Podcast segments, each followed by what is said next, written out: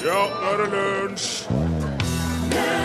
Det er den internasjonale dagen mot korrupsjon i dag. Ordet korrupsjon kommer av det latinske corrumpere, som er å bestikke eller motta bestikkelser i form av penger eller andre verdier eller fordeler. Og det kan være snakk om alt fra en flaske vin til milliarder av kroner, har jeg hørt. Der var vet du, Duffy, og du hørte Mercy først ut i denne ukas første lunsj. I NRK P1 her er Martin Våge klar med alle knappene sine. Hallo, Martin! Hallo, hallo! Hallo, hallo. Og så er Torfinn Borchhus her som vanlig og produserer. Stemmer. Så hvis du hører at det klikker i tastatur, så er det bare Torfinn som jobber. Og så kommer Are òg innom etter hvert. Ja. Se, ja. Ja, jeg er allerede Ja, jeg sier, jeg sier Ja, kom tilbake. Du, jeg nevnte jo at det var den internasjonale dagen mot korrupsjon i dag. Men det er jo eh, selvsagt ikke det eneste som markeres i dag heller. På siden av disse internasjonale dagene som FN og alle de andre seriøse organisasjonene har satt i stand, så finnes det en slags parallell virkelighet. En, man kan nesten si en slags dagenes undergrunn. Og der er det i dag teknoens dag.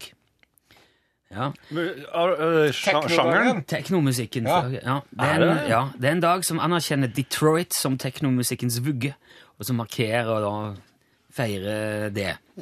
Men i morgen er det den internasjonale menneskerettighetsdagen, og det er både i over- og undergrunnen.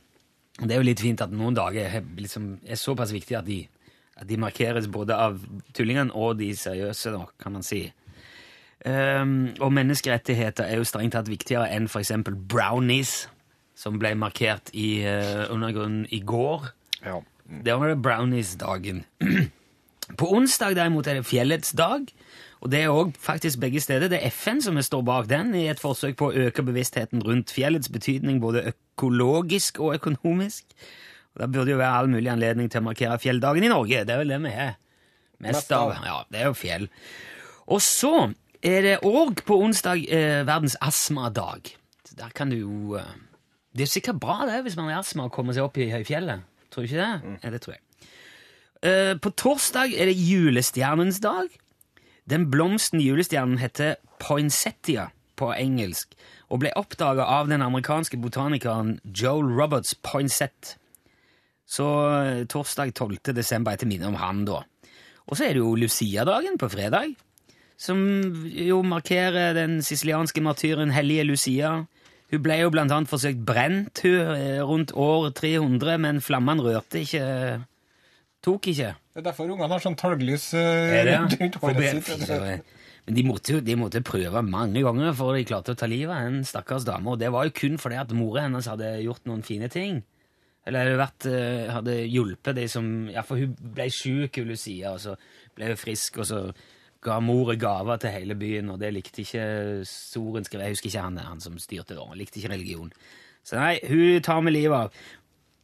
Og de begynte å prøve en haug med ting før de fikk has på henne, og angivelig stakk de også ut øynene hennes. Derf Ok, nå er det bra. ja, Derfor er hun òg skytsengel for de blinde. Mhm. Lucia, faktisk. Gå videre. Eh, Lucia-feiringen er mest utbredt i Skandinavia, så i andre deler av verden markerer de gjerne ekspeditørenes dag på fredag. Det er en dag som er via til å markere og hedre alle de som lever av å ekspedere andre, altså selge alt fra frukt til biler, eller hus eller yachts, eller hva det måtte være. Og så er det jo òg fredag den 13. på fredag, med alt det som det innebærer. Lørdag er det apekattens dag. Da skal man gjerne oppføre seg som en apekatt, både for moro skyld og for å øke bevisstheten rundt eh, apenes situasjon. Bra at det kom på Ja, en lørdag. Ja. Det, det, mm. Og søndag eh, blir kattehyrdedagen. Og det er en markering av ting som er like vanskelig å få kontroll over som en flokk med katter. Så det er en slags Markere de vanskelige tingene. ja, det er, altså, det er liksom en dag via til ja, Noen prosjekt er bare så håpløse at det, Ja. vi må ha en egen dag for å reflektere over det. En slags litt sånn figurativ, symbolsk dag for vanskelige oppgaver. Mest i undergrunnen, det der, da. Så der har du uka på et brett. Lykke til. Deres jul het eh, låten, og det var Staut som spilte og sang.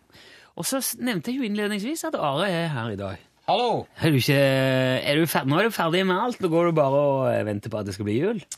Uh, nei. Lager all maten og Ja.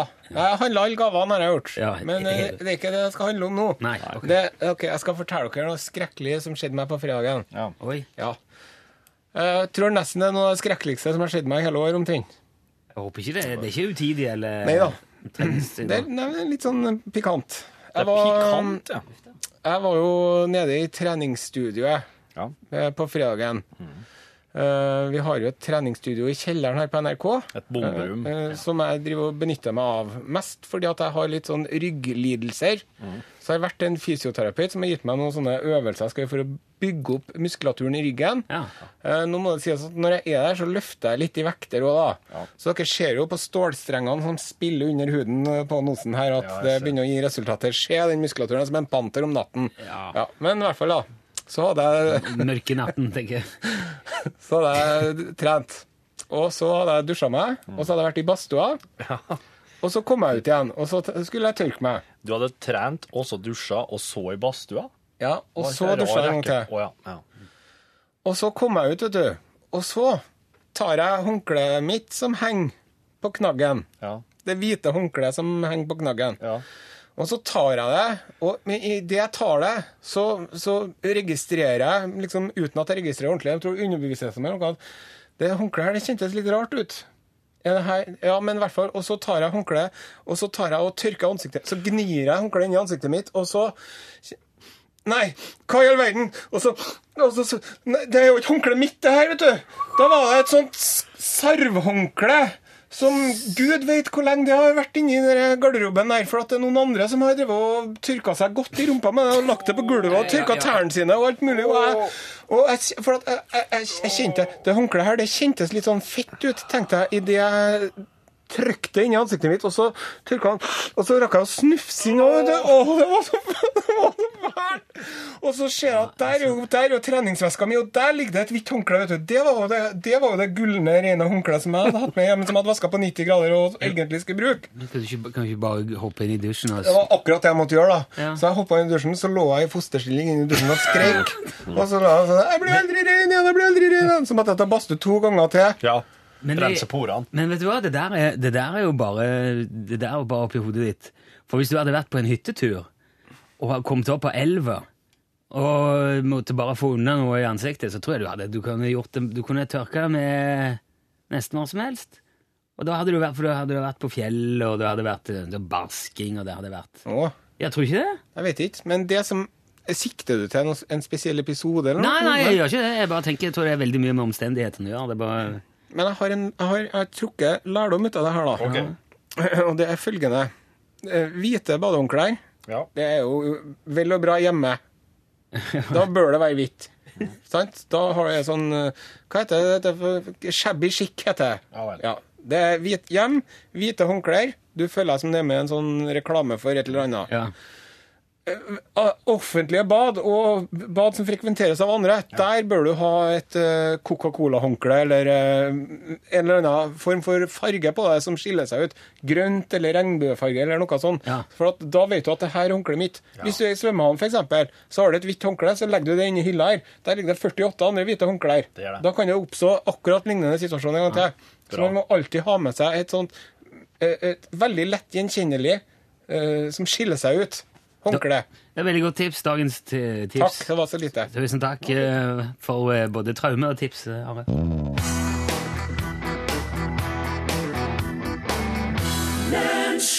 Måndagsbarn eh, sjöng och spelade Veronica Maggio for deg her i ettan. I dag er det mandag, og det Ja, er det jo är en, måndag det er en slags ambisjon eh, Ja, litt ambisjon er det. om å fullføre ei setning Ja, på mandager. Fullføre setningene. Ja, og da finner jeg frim fram. Ja. Finner jeg frim fram ting Ja. eh, der folk sier øh, i, i offentlige sammenhenger, Jaha. i lydklipp. Og så skal du som hører på radioen, sende inn forslag til hva vedkommende fortsetter setninga si med. Vi syns igjen det er fint hvis du hadde sagt Og så håper vi jo at du som hører på, gjerne vil være med og leke og sende oss noe Det blir så brutalt når du sier 'Og så vil jeg at du skal sende inn'. Ja. Du blir så, så sint ut. Ja. Ja. Nei, men eh, dette er jo, skal, det er jo bare på moro. Det Nei, sånn ja, det er moro. ja. Ja. Så jeg tenker det må være lystbetont. Man må ikke føle Men jeg det sier, jeg sier det med et smil. Ja. Send inn et bra bidrag. ja, nå, nå smiler Torfinn. Ja. Ja, det, det er jo litt som den der snakkebobleleken som de har i avisene. Ja. Du ser et artig bilde, Ja. bare det at bildet må du lage selv oppi hodet, for dette er radio.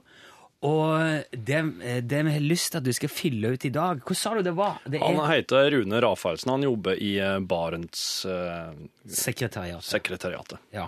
Og han har da eh, sagt følgende Vi har en, eh, en så sterk forankring og en så en støtte fra, fra norsk og fra russisk side i det vi gjør, sånn at jeg ser ingen fare eh, umiddelbart. Eh, Og så er jo spørsmålet hva som kommer etterpå. Hva sier, hva slutter setninga til Barents-sekretariatlederen med? Ser ingen fare for at umiddelbart Ja. At isbjørn skal utvikle intelligens og ta over verden. Så her er jo, det her er jo noe Norge og Russland er involvert i, men Ja. det er ingen fare her nå for at uh...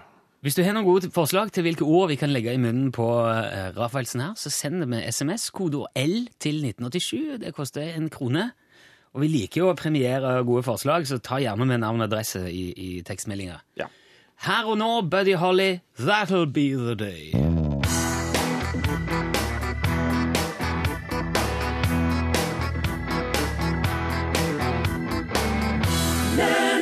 Buddy Holly med sangen That'll Be The Day.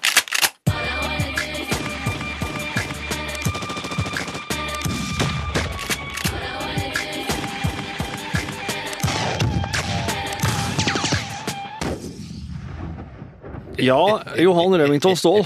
Det var en fin, fin, fin, melodisnutt den der i starten. Det er mange som spør om det der, Ja. men og, om det er du som har logga den eh, vesle musikkintroen vi har fyr i hvert våpenhjørne. Jeg, har ikke, jeg har ikke, driver ikke med musikk. Nei, du gjør ikke det. Nei, ja. Så det er- jeg liker veldig godt. Jeg syns det er fin rytme inn. Ja, det er det. Ja. Det er jo kanoner og våpen. Kuler og krutt. Kuler og krutt. Ja, det setter vi pris på.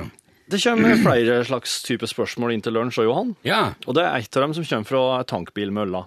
Ja. Har et våpenspørsmål. ja. Har to tvillingjenter på 15 år. Hvilket våpen anbefaler lunsjgjengen at skal stå i gangen når guttene ræk på døra? Eh, det det, det Ja. går jo til lunsjgjengen, men det går jo rett til det, Johan. Hva slags våpen bør en far til to tvillingjenter på 15 år ha? Ja, og for en... å true friere med. Ja, jeg skjønner. Det er et veldig godt spørsmål. Jeg tror vi må bare si med en gang at her vil nok mange mene at man skal ikke skyte på tenorier i det hele tatt. Og jeg er vel langt på vei til en viss grad på noen måter enig i det. Ja, Men det er jo mer som, som, tru, som en trussel, da. Ja, det, ja, det skjønner jeg, og det, det er jo klart det er jo lite som er så avskrekkende som et realt skytevåpen Ja. når du har tvillingjenter i huset. Ja, ja. Eh, og da, så jeg ser jo behovet. Altså I gamle dager så ville du nok satt eksempel en Elster og Hammersborg 250 elefantrifle i enteren, og så hadde du fyra av noen skikkelige salver over huet på guttevalpene når de kom. Ja. Eh, men altså med dagens våpenetiske retningslinjer altså, det, det vil ikke blitt sett blitt på av noen, tror jeg. Så det er jo litt av en nøtt, dette der. ja. Uh, jeg har hatt litt av det samme dilemmaet hjemme. Jeg har ikke tvillingjenter, men jeg har en nabobikkje som stadig driver og skiter inn i hagen min. Jaha. Og det, er jo ikke, det ble ikke sett blitt på å skyte bikkjer heller. Nei. Så det jeg gjorde da, det var å skaffe meg en Sunburst Manila 550 Gatling Monster replika. Eh. Ja, Det er altså en tro kopi av en ekte Sunburst, men eh, med løse skudd. Ja, øh, og for de som ikke kjenner Sunburst eh, Manila, så kan jeg si at det, det ser ut som noe ut av en Rambo-film. Det er et beist av et våpen, det er, eh, og det, det kan bare fyres fra hofta. Aha. Ja, og det er jo eh, 6000 skudd i minuttet, og det er eh, ja, det er, det, er, det, er, det, er, det, det det beist av en våpen, altså. Og eh, Originalen veier jo over, over 100 kilo, men replikaen har både løp og finikkelprosessor og magasin og fetran og hanekam og kyllinglår og grepskrygg og kanttrekk og masse andre deler i karbonbasert eh, kompositt. Så den veier bare rett i underkant av 30 kilo.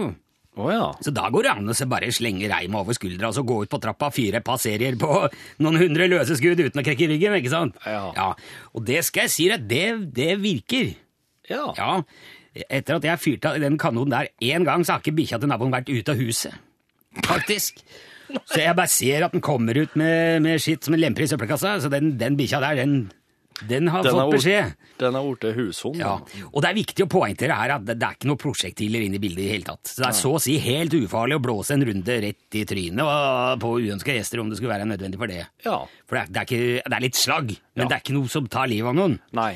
Det kan vas de kan vaske fjeset. Ja, ja, ja, ja. Og det, det er jo der replikken har sin fordel. For dette er rein avskrekking, det er ikke noe annet. Men det er klart, den dagen du virkelig trenger å ta livet av et eller annet, så da tar du ikke sønnbørsten Nei. i entren. Det er litt viktig å huske på. Ja. For eh, da, da kommer du ingen vei. Nei. Det fins selvsagt en lang rekke andre kopivåpen som kan fungere som avskrekking, og som er lettere å håndtere. altså når sant skal sies, En Jameson 800 med dobbeltspent spiralforskyvning og åpent kammer smeller jo bra. Ser veldig skummel ut òg, for menigmann. Det er jo doble soneløp der, og utenforliggende knastebrett og ejektorskjerm i rustfritt stål. Det ser jo ordentlig sinne ut. Ja. Eller en god gammel uh, Firestorm Armageddon med lasersikte og rekylforplanter i begge akselkammene. Den får du òg som kopi. Men jeg mener da at altså skal du først skremme noen, og det er jo poenget her, Ja. skremme vannet av dem, da er det greit at de tisser i buksa med en gang, og da husker de dem til neste gang. Så da er det Sunburst Manila 550 replika, det er det råeste du kan stille opp med. Tusen takk, våpenekspert Johan Remington Ståhl. Bare hyggelig! Her er Sjuende far huset med sangen To hjerta. Ja, det er jo bedre enn ett. Det er det, altså.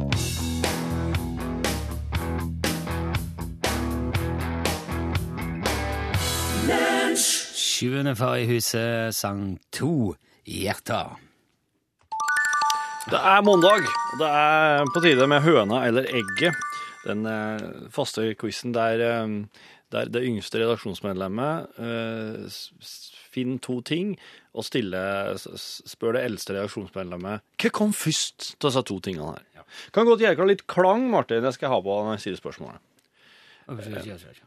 Ja, og så her er det ingen hjelpemidler. Det her er bare du og hugget ditt. Ja. Så du er, du er for deg sjøl nå, Rune. Men vi oppfordrer alle til å være med og gjette der hjemme. Ja. Eh, For dette er ganske interessant og kan være artig for store og små. Det er, det er den mest lærerike og interessante quizen du har. Ja. Det må jeg bare si. Uh, OK. Ikke til forkleinelse for de andre quizene, men ja. Hva kom først? Suser av gårde eller blodig alvor? Suser av gårde med De Lillos eller Blodig alvor na-na-na med DumDum Boys. Ja. Jeg tror det var Blodig alvor, jeg. Disse to klassiske norske rockealbumene kom begge på 1980-tallet. Ja. Og der De Lillos sin Suser av gårde kom med hits som Min baby dro av sted og i pyjamas i 1986. Så kom DumDum Boys sitt debutalbum Blodig alvor og ga oss uforglemmelige låter som En vill en og tittellåta. Litt seinere på tiåret, nemlig 1988. Sier det. Så der var De Lillos med Suser av gårde. Eh, to år før. Jeg syns ikke De Lillos var så populære, ser du. Nei. Så øh, det, det, det var nok fordi at DumDum Boys lå lenger framme i bevisstheten at øh, ja, Det var litt flaut, øh, men sånn går nå dagene. Du skal ikke, skal ikke, To år, altså! skal ikke undervurdere den derre eh, Null poeng. Null Nei. Gå videre. Pokkers. Hva kom først? Olivenolje eller rødvinseddik?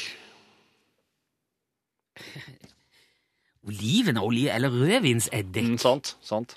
Hva som ligger lengst fram i bevisstheten nå? Da? Nei, altså Rødvinseddik Men det Ja, ok, det blir jo sleike på fingeren, bare stappe den opp og si olivenolje. Jeg har en følelse av at det var sikkert olivenolje som kom først. Arkeologer oppdaga en olivenoljefabrikk i et nå undersjøisk område utafor Israels nordlige kyst. Atlantis. kan, kan Kanskje hende det, det? kan hende det er det som er Oh. legenden. Mange utstyrsdeler til en olivenoljeproduksjon ble funnet der. Den fabrikken opererte trolig 4500 år før Kristus. Jeg skal li- 6500 år siden. Jeg skal like å se den rødvinseddiken som kan tangere den uh... Det engelske ordet vinegar kommer fra det franske ordet vina, vineg, vinagre. Ja, okay, takk skal du ha. Som betyr sur vin. Vin og øl blir eddik når luftbårne bakterier forandrer alkoholen til ei syrlig syre. Rødvinseddik kan spores tilbake til den sumeriske sivilisasjonen 3500 år før Kristus. Så det var olivenolje. Det var det? Var det? Ja. Ja, Ok. ja for var 3500 år før Kristus, mens olivenoljen var 4500. års margin. Men vet du hva, dette her er vel Dette her er det jo øh, Jeg tipper Man vet øh, Ja, ok. Men øh, Ja. det blir litt sånn gjettekonkurranse, egentlig, bare. OK, men den her, da. Den her, da. Ok. Hva kom først? Marilyn Monroe eller John F. Kennedy? Marilyn Monroe eller John F. Kennedy. Hvem er eldst, altså? Ja. Nå ler Martin høyt uti der. Hva er det, du- hva er det, hva er det jeg gikk glipp av noe nå? De har- ja, den, den litt lumre tolkninga. De har Nei, nå slutter dere. Det er hvem som ble født først. Hvem ble født først? Nei, ja, vi kan avslutte konkurransen her og nå. Jeg kan spille Bruces. Ja, for de hadde jo kaniner sammen, de to. Og, eh, og jeg ville jo tro eh, Det er veldig nærliggende å tro at det var John F. Kennedy som var eldst, i og med at de hadde Og det var Men det kan jo være en eh, liten eh, jeg, sier, jeg sier Marilyn Monroe. Marilyn Monroe ble født Norma Jean Mortensen i 1926. Eh, hun, var, hun var døpt Norma Jean Baker. Hun var en amerikansk skuespiller, sanger og modell, og hun omkom etter en overdose med sovepiller i 1962.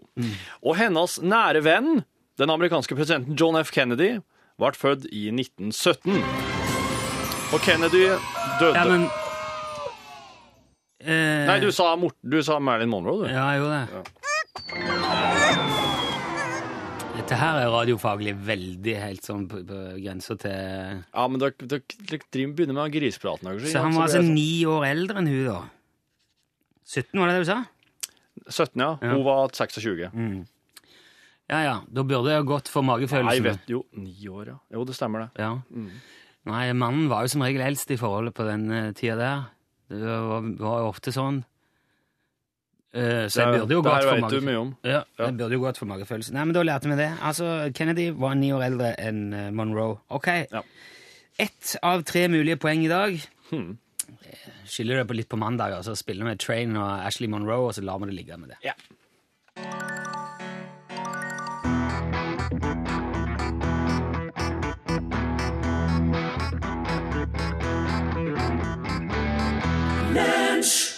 Jeg er Bruces, Train og Ashley Monroe. Og så var det jo det han eh, sa, da, Rune Rafaelsen, i eh, Barentssekretariatet. Vi har en, eh, en så sterk forankring og så en støtte fra, fra norsk og fra russisk side i det vi gjør, sånn at jeg ser ingen fare uh, umiddelbart. Uh. For at uh, Barentshavet tørker ut. Nei, OK. Nei, takk. Det det er sendt inn av Geir Ove. Det er altså sendt inn eh, flere forslag til hva det er setningen til, til Rafaelsen slutter med. Og her er det veldig mye, veldig mye godt, altså. sånn at jeg ser ingen fare uh, umiddelbart. uh, For eh, å drikke vodka til frokost, eller ha vodka på cornflakesen eh, til frokost, sånn som de gjør i Russland. Å ja, oh ja, oh ja. Det var overraskende. Det er fra Henning i Fyresdal. Han eh, påstår det, iallfall. sånn at jeg ser ingen fare eh, umiddelbart. Eh, For at uh, Torbjørn Jagland skal komme og blande seg inn. Nei vel. Nei. Det er jo betryggende! Ja, det var det. Skal vi se, jeg må, jeg må bare bla litt her. Det er, en, er en stål, jeg må stålsette meg litt. Okay. sånn at jeg ser ingen fare uh, umiddelbart. uh... Med å slå sammen de to flotte og frihetselskende nasjonene. Har 108 år med unionsfrihet lært oss noe, så er det at det er ensomt. Ja da, Russland har sine utfordringer, men vi har større mulighet for å påvirke retninga det går i hvis vi blir med i den russiske bjørnen eh, hjem på nachspiel. Tusen takk, eh, Rafaelsen. Pål var det som hadde sendt inn den. Oi, oi, oi. Den var litt uh, lang. sånn at jeg ser ingen fare uh, umiddelbart. Uh, I at en tiltagende tidshorisont realiseres konsekvensaspektet som følge av at sel og isbjørn lever i fullstendig harmoni. Nei vel. Takk for det. Den er ganske vrien uh, å si. sånn at jeg ser ingen fare umiddelbart. For at eh, Fred Børre Lundberg skal kunne klare å ta enda et OL-gull i kombinert. Nei, nei. Nei, nei der er du nok inne på noe. Tusen takk, eh, Rune Pune. Skal vi se. Skal vi ta med en til? Ja. Sånn at jeg ser ingen fare uh, umiddelbart uh... For at NRK ikke får de beste kongekrabbene på julebordet. Nei vel, det var enda godt. Tusen takk, uh, Rune Rafaelsen i Barentssekretariatet. Å, fine.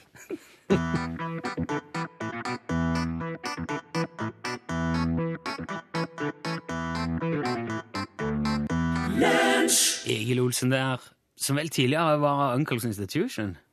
Og jeg, kanskje deg, ja. Hvis ikke jeg husker helt eh, feil. Det tror jeg ikke jeg gjør. Denne melodien het Det Find a Way. det hender seg du gjør det. Ja, det gjør det, men jeg tror faktisk akkurat her eh, ligger det ganske godt an. Ja. Vi skal over til den nye uka, så det er nye installasjoner i Torfinn Borchhus sin multimediale serieproduksjon om julegavetips. Fra Utslagsnes, på Utslagsnes, i ei lagerbygning som Ståle Utslagsnes disponerer fritt. Eh, han har et ganske stort anlegg nede på havna der. Og han eh, snekrer jo i hop eh, litt forskjellige ting som lett lar seg beskrive på radio. Men i dag så er det ikke like lett å beskrive hva han faktisk har montert. Det er en ganske spektakulær eh, konstruksjon.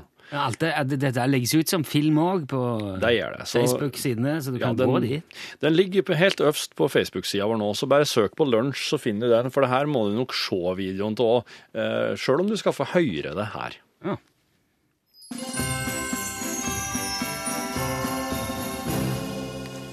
Ståle, nå går bandet. Ja, jeg vet det. Det betyr at det er i opptak. Ja, det er julegavetipsen, vet du. Ja, kom igjen. Ja, ja, jeg skal bare ha til og... Tror du er han? Ja, ja, men du vet det, Torfinn, Ja, at uh, nå er vi jo i mørketida. ja, det stemmer. Og når du er i mørketida, hva er det du trenger eh, da mest? Lys. Ikke sant? Du trenger lys! Og Som du kan se med når du er ute og fer. Har du hodelykt? Ja, sier de. Så finner jeg noe pi- Et eller annet flesk, tull, tjams som du fester ved reim i, i hodet. Og så ser du, du, ser jo, du ser jo nesten ikke noen, noen ting. Her er noe av det mest idiotiske jeg har sett. Det her, er- det her, det her er uunnværlig. Spesielt om du bor eh, eh, nordafor. Hvis du, hvis du ser eh, Følg med nå. Ja. Ikke sant?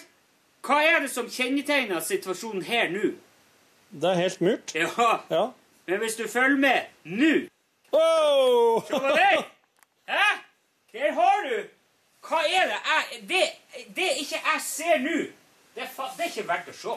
Skal du ned i kjelleren, finne frem noe som du mangler Ja, hvor er det lagt det her? Det hadde i hvert fall ikke noe problem å kan se hva det er hen. Der var jeg. Forstår du? Ja, jeg ser. Du ser alt med her. Friluftsfolk, syklister. Beste julegavetipset fra UTS eh, julegavetips. Vær så god. Der har du deg. OK. Takk, Ståle. Ja. Ser ut som du kjører en bil. Ja, der sa han et sant ord.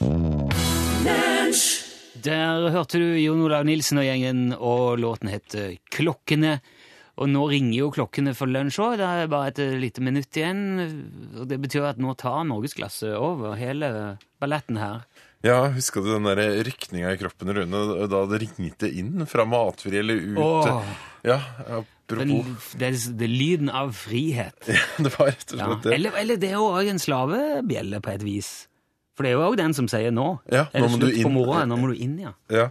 Um, og i de tider da man var elev, eller kanskje mer student, eh, så uh, var man også eh, ofte kretsmester i å utsette ting når det var eksamen. Og, og nettopp det her med å prokastinere, eller utsette ting, skal det handle om i Norgesklasse i dag. Uh, dere er vel strukturen sjøl satt i system. Så Jeg er Torf- veldig strukturert. ja, Torfinn, utsett ingenting du kan gjøre akkurat i dag. Jo, jeg utsetter nok en del, ja. Ja, Men i hugget mitt så er jeg ikke en som utsetter. Nei. Nei, jeg er også ganske god på det. Mer om det i Norgesklasse denne mandagen. Eh, Nyhetene de kan ikke prokastineres. Her er Silje Sande med siste nytt.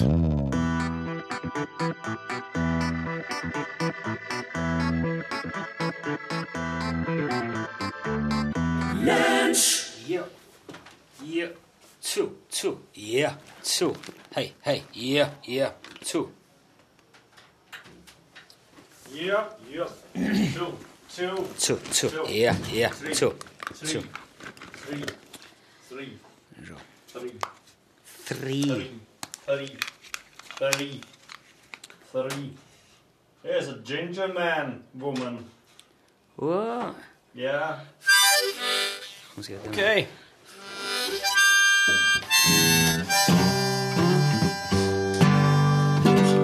Er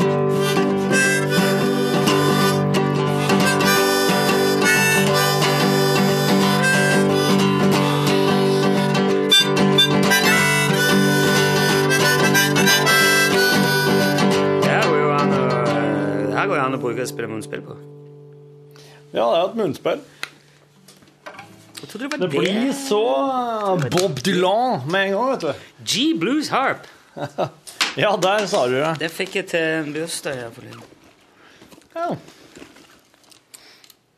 Det er iPhone-stativ. Er det det som kalles en tripod? Ja, en iPhone 3-pod. Ja.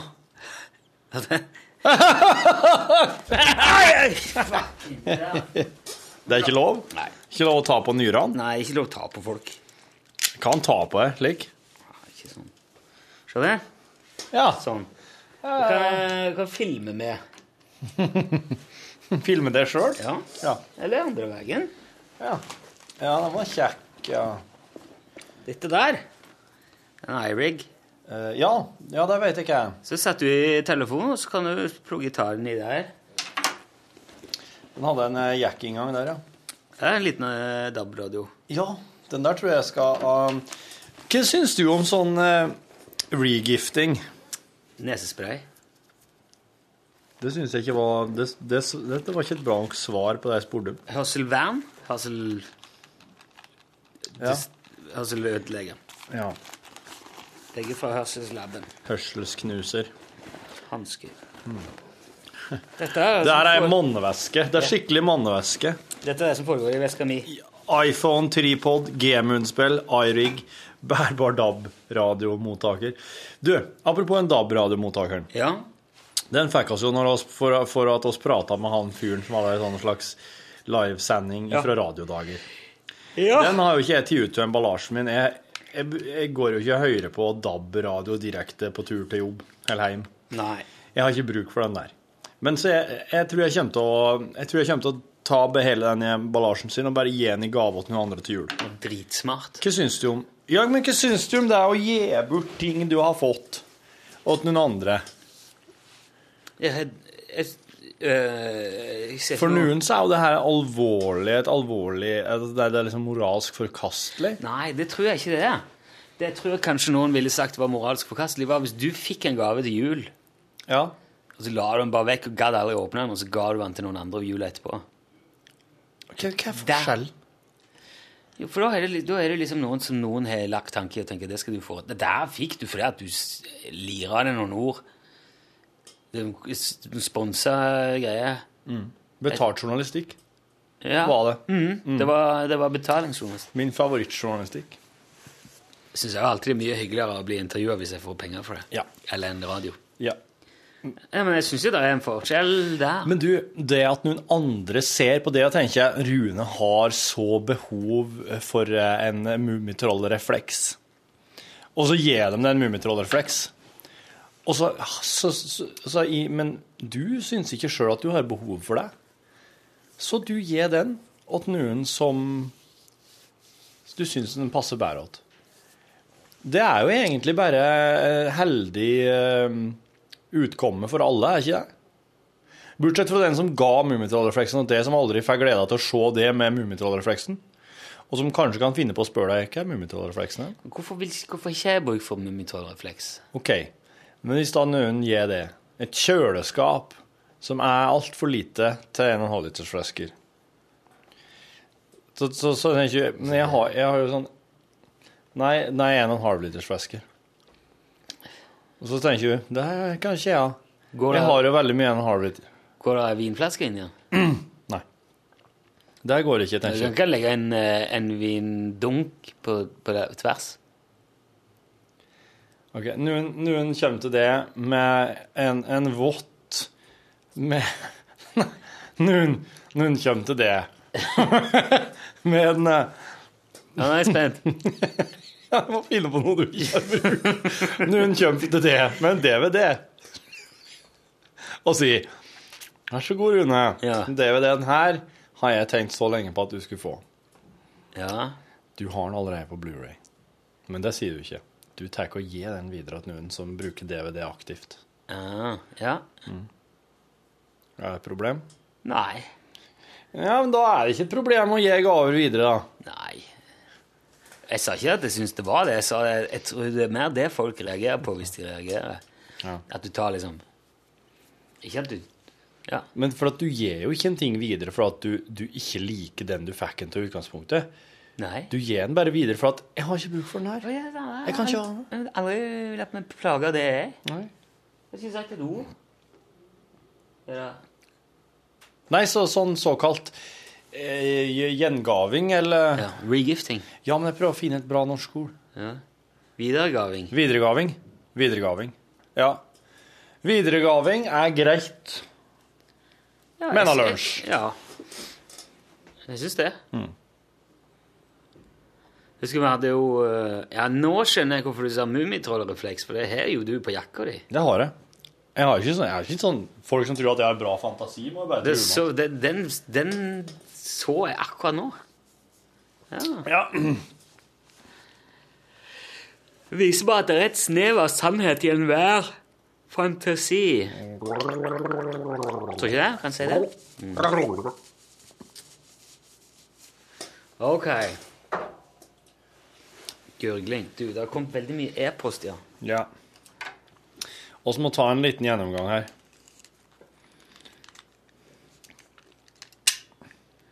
Nå er det snart juleferie. Vet du hva, det skal bli litt godt. Det tror jeg på. Jeg har fått et fra Magnus Bakke. Jeg veit ikke helt om Magnus eh, er podkastfølger. Hallo, Magnus! Folldal står det i emnefeltet. Ja. Hei på dere, guttebarn. Hei, hei, Hei, hei. hei. Må først få takke for et fantastisk artig program om nær sagt ingenting. Tommel opp! Vel bekomme. Tusen takk. Jan Olsen gjør uken verd å leve. Kan jeg, kan jeg spise litt av den, Den mens din. du leser? Det blir jo ikke jeg Må nevne at Torfinn har kanskje den kuleste dialekten jeg har hørt. Fantastisk. Wow, wow, wow. Thank you very much. Han er kul. Han er bare veldig sånn bondsk og grautete og rotete. Jeg har hatt lyst en stund nå til å oppsøke kilden til dialekten, Folldal. Men er det noe der å se for en som tar turen? Unnskyld. Eller er det bare for spesielt interesserte å ta turen? Med vennlig hilsen Magnus. Det er gruve. Det er omvisning i gruvene på sommerhalvåret. Eh, ellers i Folldalen er fantastisk natur. Så hvis du er en naturen og fjellets mann, så er det jo absolutt en plass for det. Men det er, det er i det hele tatt veldig lite som er tilrettelagt. Ta imot turister og vise fram og den slags. Så Magnus, du, du, enten, eh, du må enten ta kontakt for å få en, for å få en omvisning av meg personlig. Eh, og det kan gjelde både i gruve og i fjell. det. Eh, Ellers så er du nødt til å bare ta turen og, og få litt på egen hånd. Dialekta vil du ikke høre så mye til med mindre du får flytte opp i øvre delen av Folldalen, opp i Dalhorn. For nede på Folldalen, der det er gruvedrift og den slags, det som er kommune, det kommunale sentrumet, der har, de, eh, der har de en litt annen dialekt. Eh, Hvordan er det? Den er, mer, den er mer sånn her at de har, har, har litt grann fortsatt tonefallet, men at de har bytta ut med bokmålsord. Å. Husker du han som har ringt inn radiogrammet? Ja, ja, ja. De sier jeg og ikke, og, og, men de, de har en Det er et tonefall der som er, det er fortsatt der. Det er ikke så veldig mange høydemeter det er snakk om heller. Nei, Folldal kommunehus er det høgstliggende kommunehus i landet. Det ligger kanskje på en mellom 700 og 800 meter Wow. over havet. PS. Jeg har fortsatt problemer med at jeg legger sammen tallene i registreringsskilt. Jeg er dog blitt beroliget siden dere tok det opp, og det viser seg at det er mange som har lignende lidelser. Takk. Husker det om vi snakket om det, ja. Eh, Det er ikke jeg plaga med. Nei. Det er bare å Det jeg tror Fortsett slik, Magnus. Det tror jeg kan være smart på mange måter. Hvis du ikke lar deg plage av det. Hvis det ikke er sånn at det irriterer deg hver dag. Men det må jo gjøre at du blir veldig kjapp i hoderegning. Ja, det tror jeg òg. Du liksom kan nesten bare se på Ja. et skilt, og så til slutt tipper han kan nesten Ja. legge det sammen. Ja, sant? Så i butikker, i tipsesituasjoner, Mm. gå over regninger yep. altså, eh, For det jeg tror, jeg tror det er mer fordeler med det enn Ja. Ja. Det tror jeg også lenge, men så, men så lenge du ikke begynner å registrere at omgivelsene er litt sånn bekymra, og at folk rundt deg begynner Hvis det å går utover liksom det person familielivet, og at du ikke har tid til å ta, av, ta deg av ungene dine, for du bare skal legge sammen summer på nummerskilt, da blir det jo Ja. sånn at unger går for lut og kaldt ja. skilt. Terje Myhre Sveheim har sendt oss en e-post der det står 'Podkast 2.12.2013'. Det er ikke så lenge siden eh, for oss nå. Forrige uke. Hei, gutter! Hei. Hører dere har 1% og Radioresepsjonen har 55% Det her gjelder jo podkastnedlastinger i NRK-systemet. ja, ja, ja. Kan bare si at på iPhonen her har dere 100% Og som alle som er gode i matematikk allerede har funnet ut, Radioresepsjonen har 0% Fortsett det gode arbeidet. Hilsen styremedlem. God helg om dere ikke allerede har tatt helga. Det hadde jeg gjort da, ja, for å si det slik, Terje. Tusen takk, Terje. Ja, takk for den. Vet du hva? Jeg er ikke så, jeg er ikke så, jeg er ikke så veldig bekymra for det der. Eh, ja. Nei. Det, vi, vi kunne jo snudd på det, så kunne vi eh, telt opp radiolyttere. Da, tror jeg, da hadde jo Radioresepsjonen blitt ganske parkert. Ja, de sender på skulle- P3, det er jo en helt annen Ja, I den grad det, skulle liksom være en konkurranse. Men det er det jo heller er ikke. da. Men nå ser jeg jo at nå skal, nå skal resepsjonen ta pause igjen. Ja, vi skal ha et halvårs pause nå. Mm. Fra og med De har vel siste nå før jul en gang. Ja. Kirketid skal inn fra og med 6. januar. Og Radioresepsjonen skal på igjen august eh, neste Ja, år. Mm. Så det er oss fan å bare fortsette eh, med absurdhumor og, og den slags oss, da. Og prøve. Ja, det kan jo hende at det kommer noe det kan jo hende at det kommer noe Radioresepsjonen under eksil, under lyttere i eksil til oss. Så får Ja. ta godt vare på dem til Radioresepsjonen er tilbake. ja. Velkommen hit. Fredrik Norum skriver podkast 7.11.2013. Dialekter. Det er en stund siden. Gikk i fjøset med peltorene og hørte på podkasten nå. Og med nå mener jeg nå nettopp. Lørdag 7. desember klokka ti. ti på formiddagen. Ja. Jeg henger altså en måned etter, og det er kanskje litt feil å komme med innspill så lenge etter, men likevel Nei, det er slett ikke feil. Nei, men tidsregningen er jo uh, non-lineær. Ja, den er det. Og det er uansett ikke noe ting her, og står ikke her med pistolen mot hodet på, på ei gammel dame og, og skal ha svar på om vi skal dra av eh, på avtrekkeren her og nå. Det her er mer sånn ting som blir I all verden var det for en slags uh, bilde? Ja, men Se for deg at hun var en sånn gammel sånn Josef Mengele-kollaboratør da, som vi skal avrette. ja. Eh, Jeg var litt uoppmerksom, men det var snakk om dialekter, og plutselig la jeg merke til at Torfinn mente at det ikke skulle være nødvendig skråstrek behov for å skifte dialekt dersom man flytta fra A til B. Rune spilte inn noe om at Torfinn nå beveget seg mot rasismelignende utsagn, og jeg fikk et klart inntrykk av at Torfinn ikke likte at folk bytter dialekt. Det har du faen så rett i. Og da fikk jeg det for meg at det er på tide å stå frem, og at dette er riktig arena for meg. Jeg flytta fra Nord-Trøndelag til Finnmark for sju år siden, og jeg har lagt om dialekta, eller som de kaller det på dialektriket, jeg knoter. Hvorfor? Aner ikke. Det har bare skjedd gradvis over tid, og jeg liker det ikke spesielt godt. Men det har aldri vært noe jeg har gått inn for, og jeg får mye pes for det, både hjemmefra og fra folk her oppe. Min far sendte meg til og med en bok om trønderskole og talemåter som et lite hint. Det er sikkert noen som knoter med overlegg, men som dere sikkert vet, er det ikke lett å snakke ei anna dialekt sånn helt uten videre. Og da blir det litt feil av Torfinn og andre døgnikter å slenge ut anklagende ord mot oss stakkars dialektskada folk. Mange av oss kan ikke noe for det og forsøker å la være, men jeg har ikke styring på det. Og det mener jeg folk burde vite. Mange har rett og slett ikke kontroll over dialekta si. Faktisk burde det være lagt opp til at jeg kunne dratt på hjelpemiddelsentralen og rekvirert en trønder eller to som kunne vært med meg overalt bare for å vedlikeholde dialekta mi. For det er nok det som er problemet. Hjernen min er så sylskarp og tilpasningsdyktig at den helt på egen hånd analyserer de til enhver tid gjeldende omgivelser og legger om dialekta deretter. Det er overlevelsesinstinktet hans som slår inn. Reiser jeg hjem, er det bare snakk om timer før jeg er tilbake i trønderdialekta. Ja. Har dere noen gang vært i utlandet over en lengre periode og plutselig oppdager dere at dere både drømmer og tenker på engelsk? Ikke, nei, ikke vært så lenge borte, men Akkurat sånn er det. Jeg tenker og drømmer og snakker finnmarking, selv om dialekta strengt tatt, en, strengt tatt er en slags avskyelig blanding av trøndersk og vadsøværing. Ganske særegen dialekt i Vadsø. Tror på ingen måte at det er bare ei dialekt i Finnmark. Det er i alle fall tre markant forskjellige dialekter her. Takk for meg, Fredrik Miljøskada Nordtrønder i Finnmark. Det syns jeg var et eh, verdifullt og godt innspill Det var det. i den diskusjonen der. Jeg kjenner i meg sjøl at eh, min, min, min eh, motstand mot å legge om dialekta si eh, stammer ifra et sånn sjølhat. Fordi at jeg merker at jeg er i ferd med å bli påvirka sjøl. Eller at jeg, jeg, dialekta mi blir forandra. Fordi jeg bor her jeg bor, og omgås dem jeg omgås. Du er jo en ensom svale Veldig. i eh, miljøet. Det er ikke jævla det, det er ikke er Morten Lyen som er lydtekniker i- iblant, og som spiller banjo. Fra Vågå? Nei, han er fra Hedale. Ja, Hedale. Men det er jo nede i Gudbrandsdalen. Det er liksom Ja, det, det er ikke, dere snakker jo ikke likt. Nei, jeg ser ikke. Men det er liksom På det plassen er liksom Vågå det, er- det, det, er noe sånn, det er noe likheter, men det blir ikke liksom det samme som å ha noen fra heimplassen, nei. Nei. Og jeg merker jeg knoter, og jeg, var- det, var som å, det var som å kjøre en hestaur inn i hjertet på meg i sommer og vri rundt og begynne å hesje på den. Når, jeg, når jeg, det var ei fra heimbygda som var innom eh, og nevnte i forbifarten at jeg hadde begynt å knote så. Når hun var innom en tur åt eh, bestemor mi.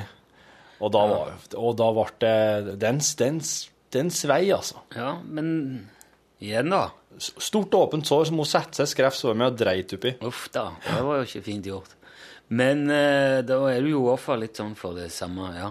Din egen intoleranse. Ja, det er det.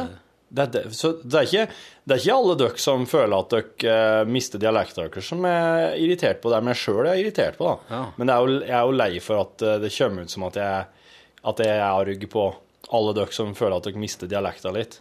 Det er blitt veldig mye sånn dialektbevissthet etter den serien av Jasmin Seid. Ja. Så må man bare fortsette med den. Og Smøyestol var jo, eh, ble jo fineste dialektordet. Ja, det var det. Det så jeg nå. Jeg, ja, nei, altså Nei, jeg synes jeg, Det må være lov, det der. Du må snakke med den kjeften du har, har vi sagt, og den dialekten du får ut. Om til du, hver tid. eh, Ja. Men jeg gjør det jo òg. Jeg ser jo mer oss enn oss. Ja. Og, og hvis jeg kommer hjem og gjør det, da ser de stygt på meg. ja. De vil jo gjøre det. Og det er så veldig særegent. Ja. Men det må jeg nesten bare Men du tro. blir att litt breiere når du drar hjem, du òg. Å, veldig. Ja. Det går ikke lange tider. Men det kan man si at så lenge en ikke mister det helt, slik at du kommer att og blir en fremmed fugl hjemme òg Ja, det, Da det, det må du leve med Du må det. huske å reise hjemom noen ganger innimellom. Det er en eh, post her fra Øystein Hårvik. Det står 'banning' God dag, i emnefeltet. Ja. Hei sann! Hører podkasten av 3. desember i skrivende stund, hvor dere etterspør kunnskap om banning. Jeg anbefaler dere å få fatt i en sosiolog. Gjerne en med litt tyngde på feltet sosialkonstruktivisme. Eventuelt kan dere lese en gnistrende god bok om hvordan mennesker i fellesskap skaper virkelighet, som heter The Social Construction of Reality, av forfatterne Berger og Luckman. Berger og Luckman. Wow. Det kan være veldig ok for å få et perspektiv på hvordan banning som fenomen skapes og vedlikeholdes. Vil ellers bare takke for et knallgodt radioprogram skråstrek podkast. Helsingar Øystein Hårvik. Du, tusen takk, Øystein. Ja, mm. Bra innspill. Jeg tenker Aksel, jeg. Tjora? Ja. Jaha. Ja. Han er ikke ja. sosiolog? Jo, kanskje. Og til og med professor eller noe. Ja. Kanskje vi skulle hatt Vi skulle snakke om banning en gang? Ja. Kunne ha det, det, altså, det ringer ei bjølle. Har vi gjort det før?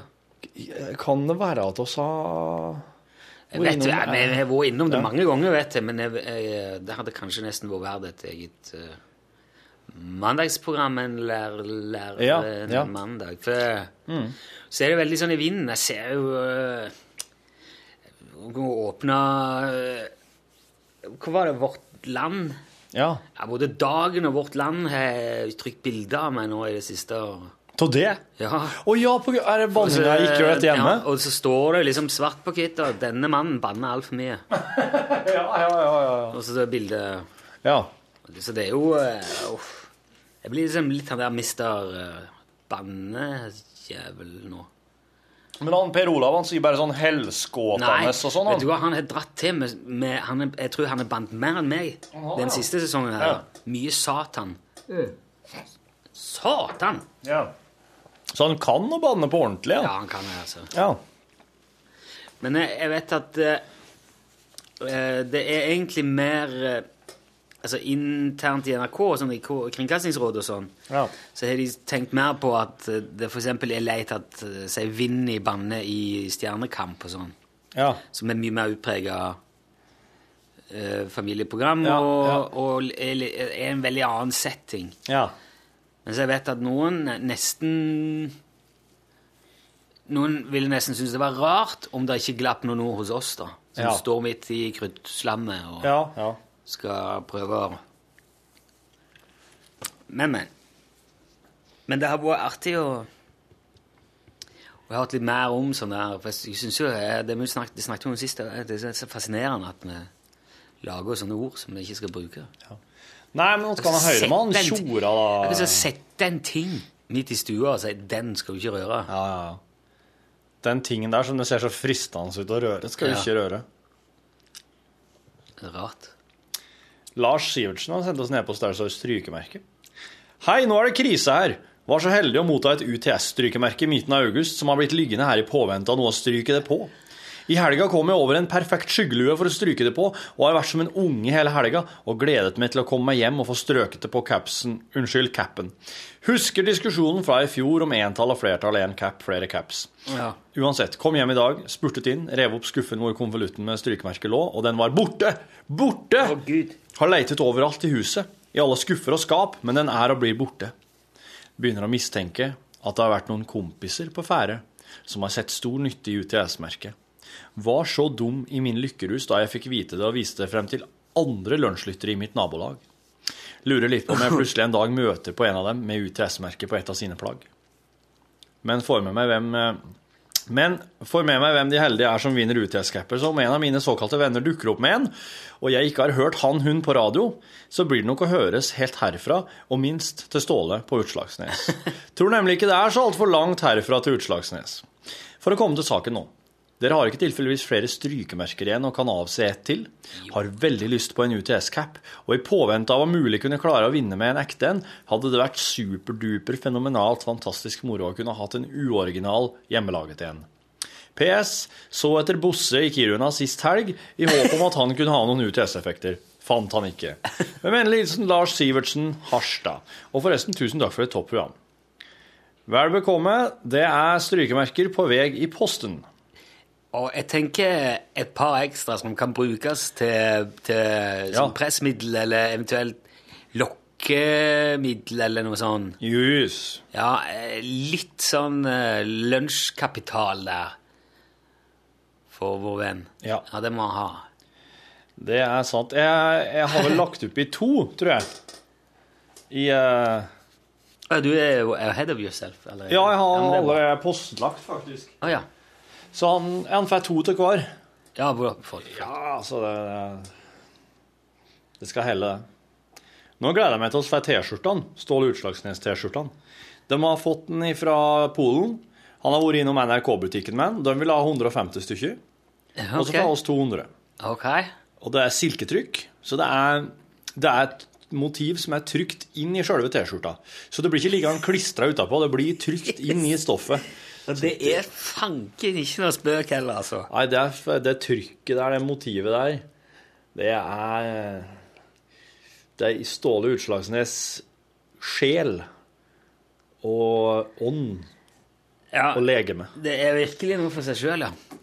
Jeg tror eh, i kolleksjonen av T-skjorter som er blitt laga og trykt og laga opp til, i forbindelse med NRK-produksjoner i løpet av årene, så vil denne stå ut Men jeg tror jeg òg. på, Ja. på et vis. Yep. Det kan bli Det er megalomant. Det er min kompis eh, Ole Kristian som har laga den, og han er jo Han er en litt sånn tung Syk i hodet. han, han er litt sånn Han er en sånn designer som er eh, Jeg vet ikke om hva slags ord det vil være riktig å bruke, men han Han er en designer som omfavner det spektakulære og stygge og forferdelige og en del slike ting som ofte ikke brukes innenfor design. Ja, det, det blir i hvert fall one for the books, det er jeg helt sikker. Ja. Ja. Jeg har gleder meg til disse. De har kommet, altså. De er på vei hit nå, da. Ja, nå har han eh, De kommer i Den prøve-T-skjorta kommer i internposten. Så den er nok her i morgen. Så da kan vi bare sette oss i eh, ring og ta på oss sjøl mens oss Jeg tenker. Å, Gud, for bilder. Ja, sant. Det skal vi Ja. ja det blir jo De første T-skjortene vi lagde, skulle liksom være litt sånn uh, kule. Litt sånn nedtona. Ja. Så da var det bare et lite lunsjmerke på, på ene armen. Til folk som fikk den i posten, skjønte sikkert ikke hva de fikk. De, forstod, de så jo sikkert Du ikke må mer. nesten si- du må leite etter lunsjmerke. Leite etter, ja. Det Det skal du trenger du ikke nå lenger. Problemstillinga er borte. Ja, men fant ut at Hvis du nå først ha, skal ha ei sånn T-skjorte, så det var greit at du skjønner hva det er for noe. Ja, Og det vil, det vil, det vil man gjøre nå. det vil. Det vil du. Og jeg har eh, Jeg, må, jeg syns man må på et tidspunkt legge ut det der bildet der på, på Facebook. Altså. Ja, ja. Men da, nå er det jo også, ja, altså Hvis de skal ha de i NRK, da kan du kjøpe de da, faktisk. Da kan du kjøpe dem i NRK-butikken. Det kan jo være ei veldig bra julegave, det òg. Ja. Det Jeg håper at vi får med inn til jul. Vi får i hvert fall regninga før jul. ja, det er jo bra. Ja. Jo, hvis de kommer før jul Nei, det må komme Nei, jeg bare tenkte det var gøy at Vi kunne hatt en sånn konkurranse eller noe sånt der de som eh, av en eller annen grunn kanskje spesielt fortjente en sånn T-skjorte til jul, kunne fått det, basert på liksom en forklaring. Inns, Ja. Innsendt per eh, Ja. et eller annet. Ja. Det sier du nå.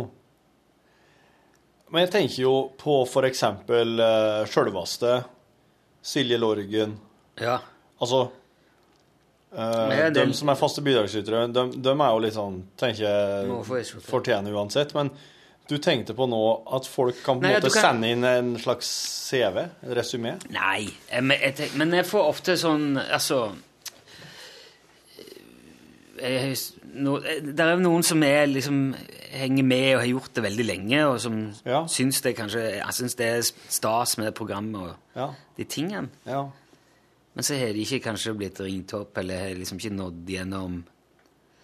Og så og, eh, Det hendte at vi har sendt litt sånn oppmerksomhet til folk som fyller 50, og så henvender Eller 40, eller Så hen, får kanskje henvendelse fra en kone som sier at min mann fyller år nå, han er veldig ivrig lytter. Er det mulig at han kan få Ikke sant? Da ber jeg alltid om å få kopi av fødselsattest. Ja, det har jeg gjort. I så måte er det nok smartere å sende de tingene til meg. Høres slik ut. Ja. Nei, men det bare hvis det er noen som spesielt fortjener det, kanskje fordi at de har hørt mye på, eller Ja. eh, har gjort noe fint for noen, eller jeg vet ikke. Så kunne de bare fått liksom en sånn sånn Det er en litt uferdig idé, da, men du skjønner vel Jeg skjønner, jeg skjønner. Jeg- jeg, jeg kjenner sitter- jeg veldig Jeg sitter og knar den sjøl. Du har lyst til å gi bort ting. Så det er veldig gøy å gi bort ting. Spesielt, og jo, jo, jo mer lyst noen har på noe, jo artigere er det at de får det, syns jeg. Ja, det er jo det. Jamfør det vi prata om aller, aller først i eh, ekstramateriallag. Det man får i gave som du i utgangspunktet kanskje ikke har bruk for. Ja, det er ikke alltid like eh, mye vits i. Jeg har jo aldri fått sånn sagnomsust, legendarisk strikka genser fra tante, da.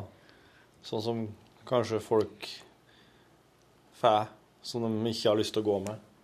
Har du opplevd noe slikt en gang? Fått håndarbeid som du har hatt litt sånn vanskelig for å finne deg til rette i? Nei. Ikke av Nei. Nei. Jeg har fått litt sokker sånn som har vært litt store og eh, litt slekke, kanskje. OK. Ja, og hvis det da er, For ullsokker er litt uh, Hvis ikke de hvis de ikke sitter godt på foten, så krøller de seg gjerne i skoene, og sånn, og da, det ikke, da, da, da virker det nesten litt mot sin hensikt. For det, Ja. Um, men ikke noe sånn at eh, Nei. Har du spilt noen GTA 5 i det siste? Nei. Det er en stund siden. Har du slutta? Nei Varte ikke noe artig lenger? Jo, men jeg har gjort veldig mye av det som skal gjøres. da. Kommet ganske langt. Ah, Det er over 70% ok. Og det som er igjen nå, er liksom Jeg tror, det, du kan, jeg tror nok godt du kan si at uh, den der 80-20-regelen kan tilføres til det der spillet der. For det, jeg tror når du kommer seg opp til sånn kanskje ja, 80% fullført av spillet, så er det eller når du har 20% igjen, så tipper jeg du har fortsatt 80 av arbeidet foran deg. For da må, det, du må lete, og gjøre, det blir så innvikla og så spett og så langt mellom alle Og det vil kreve så mye arbeid. Altså Hvis jeg skal klare å kjøpe den der golfklubben til 150 millioner dollar Jeg skjønner ikke hvor jeg skal få pengene ifra. Jeg tror For å få det til, så må jeg gå tilbake, spille en gang til, og spekulere i aksjer basert på de kriminelle handlingene du Aha. gjør. Så du kan eh, Du må faktisk eh, kanskje gå og spille om at og, og satse litt hardere. Ja. Ja. Eller i det hele tatt. Jo, for det er en del sånne øh, attentat du skal gjøre. Du skal ta livet av en del folk, og da skjer det mye med aksjekurser i selskap. Det gjør det, vet du. Og han sier det, han som gir deg oppdraget, så kjøp aksjer i det, det vil lønne seg. Men jeg hadde ikke, jeg hadde ikke funnet ut av det der. Nei. Nå har jeg kjøpt noen aksjer i en radiostasjon, Ja. og hver gang jeg er ute og kjører, uansett hvilken figur jeg bruker, så hører jeg på den radiostasjonen i håp om at det skal registreres en plass, og kursen skal gå opp igjen. Så det er et eksperiment, da. Hva slags radiokanal er det? World FM. Verdens musikk? Nei, det er sånn Jeg burde jo Det er ikke den kuleste musikken, egentlig. Det er noe kult. De, blant annet spiller de her den Cashmere Cat, han eh, norske der. Aha. Han er, går på World FM. Er Cashmere Cat norsk? Ja. Det har jeg ikke fått med meg. Han var jo nominert til Petter Gull. Ja, men du er følger faen ikke med på P3 Gull. Altså. Jeg, jeg, jeg, bare eneste jeg har fått med, er at Live Nelvik satt naken på ei kule. Men det har jeg har ikke sett det engang. Jeg bare Det var veldig sånn Det var bare, det var bare fire kategorier og fire priser. Å! Så da var det Men det, var det er musikk?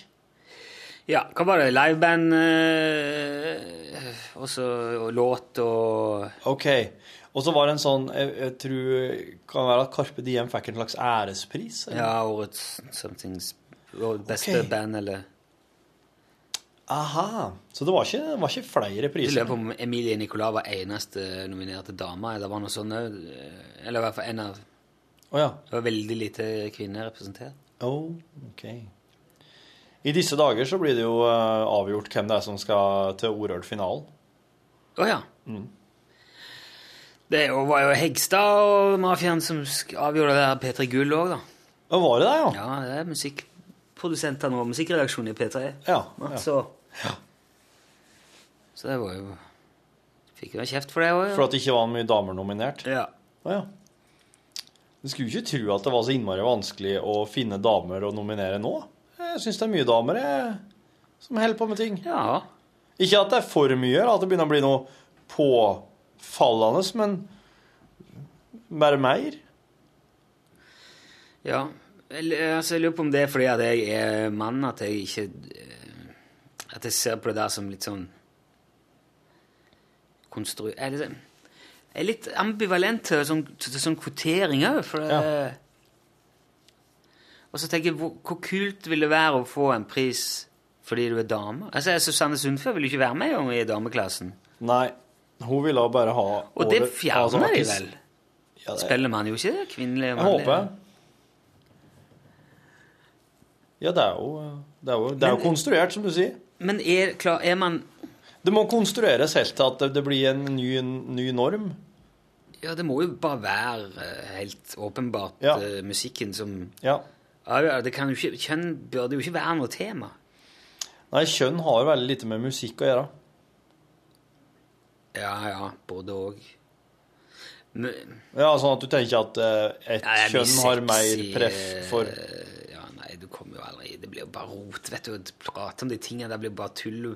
Sause sammen begrep og motivasjon og Ja. Det er ikke lett. Du må, Nei, det du må ikke. anmelde igjen snart i lunsj. Ja. det gjør jeg. Ja. Er det noen dager for det? Har det vært Nei. Nei. Bare ikke fredager. Nei. Det er jeg Ser sjøl. Jeg liker så godt å redigere traileren. Endelig er den her! Ja, til plate og Ja. Ja, man kan, man kan jo gjort i morgen, det. Jeg elsker å klippe ting med venstrehånda, så det blir sånn dårlig. Det syns jeg er underholdende. Det er Bjarte Tjøstheim en mester på. Jaha. OK. Han la på, I gamle dager, når det var ah, BRS, var det det? Var det? Alle barnets radiostasjon. Eller, oh, ja. ja. Det var sånn Altså het det AB812, eller så var det ABRS. eh. Lurer på om det var Eller så var Ja, det var sinnssykt populær. Det var i hvert fall Barnetimen, eller ok. Da hadde Bjarte en, en spalte som het eh, I samtale med Stig Holmsen. Og det var Stig Holmer? Stig Holmsen. Oh, ja. Det var, nei, jeg hadde ikke noe med Stig Holmer å gjøre. Sånn, sånn. Det var en sånn, en sånn fyr som Å, jeg skulle fortelle noe! Og så hadde han noen barn med. Hva er det som er sinnssykt populært? I samtale. Det var jævlig artig. Og han klipte det alltid sånn så dårlig, men på en helt perfekt måte. ja. Så det var, det var elendig, men perfekt elendig. Åh. Det er nesten verdt å gå tilbake og Det høre på. her ja, det tror jeg skal gå an å høre på. Ja. Og, liksom, og det var på bånd, alt. Så det var ofte sånn Med noen sånne lyder og Oi. Du gikk akkurat glipp av det du skulle, og ikke noe mer, men det ble Ja, det var supert. Altså. Eh, Det her var jo alle barns radiostasjon. Jeg tror det het det ABRS. Hva var det for noe? Var det, var det, Det var liksom det som er Superblokka i dag, eller NRK Super i dag? Eller var det, Nei, det var det var et program? Det var en kanal. Det var et program. Ja. På P1? På P3? Så jævlig snodig. Ja, nå ble jeg veldig usikker. om Det var, det må ha vært på P1. Må jeg prøve å google denne greia her, da. BRS? Ja. Ja, Nå, akkurat nå ble jeg litt usikker. Det, men Barnetimen gikk jo på P1 liksom alle, alltid, så det må vel ha vært P1, tenker jeg. Oi.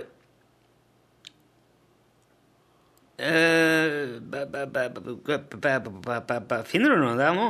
Nei, bare ABRS, vet du. Kommer eh, alle barns ABRS, var ikke det? Nei, ok. Diostasjon Jeg tror ikke det vil Ok, NRK P3s program ABRS, ja. Ja, det var på P3, ja. Ja, Ja, for det var, ja, for jeg, traff på en som heter Knut Lyngar her på Wikipedia. Å ja. Og han har produsert radio blant annet for eh, For det var vel en barneavdeling på P3? Eller for de, eller for de liksom yngre P3-lytterne? Ja, et- ja, det var jo det. Stemmer det. for Bjarte har jo vært i P3 i, eh, siden starten, vel? Men ABRS, Alle barns radiostasjon, det var ikke et barneprogram. Søk på AB812, da. For jeg mener det het det først. Kanskje type aktig something. Lignende. Nei? Nei vel. Ja, vent litt, da. Så må jeg kjøre inn noen sånne ekstra søkeord der. Skihytter og jævelskap her. Nei vel. Men jeg kan jo bare, kan jo bare ringe og sjekke. Det. Ja, ja, nei, men jeg, jeg, jeg, for jeg ser nå for meg at Alle barns radiostasjon er litt sånn ironisk eh, tidlig P3-navn som egentlig det henvender Det var ikke et barneprogram. Jo, jo, jo, det var det. Det var det. Ja, ja. Så P3 var liksom pålagt å ha Barnetimen eh, barneprogram òg, da, i starten. Ja, jeg mener på det var det, altså. Ja. Og det, det må du nesten bare akseptere. OK. Men Ronny Brede Aase tror jeg har uttalt at han hørte Alle barns radiostasjon på P3 og ble helt hekta når han var en liten babymann. Han er jo bare et barn. Ja, ja, her, ja. Da jeg var åtte-ni år og hjemme fra skolen, så vaska mamma gulvet og satte på radio, men hun var ikke så nøye på kanalen, så jeg fikk da høre alle barnas radiostasjon på P3 og ble helt hekta der og da.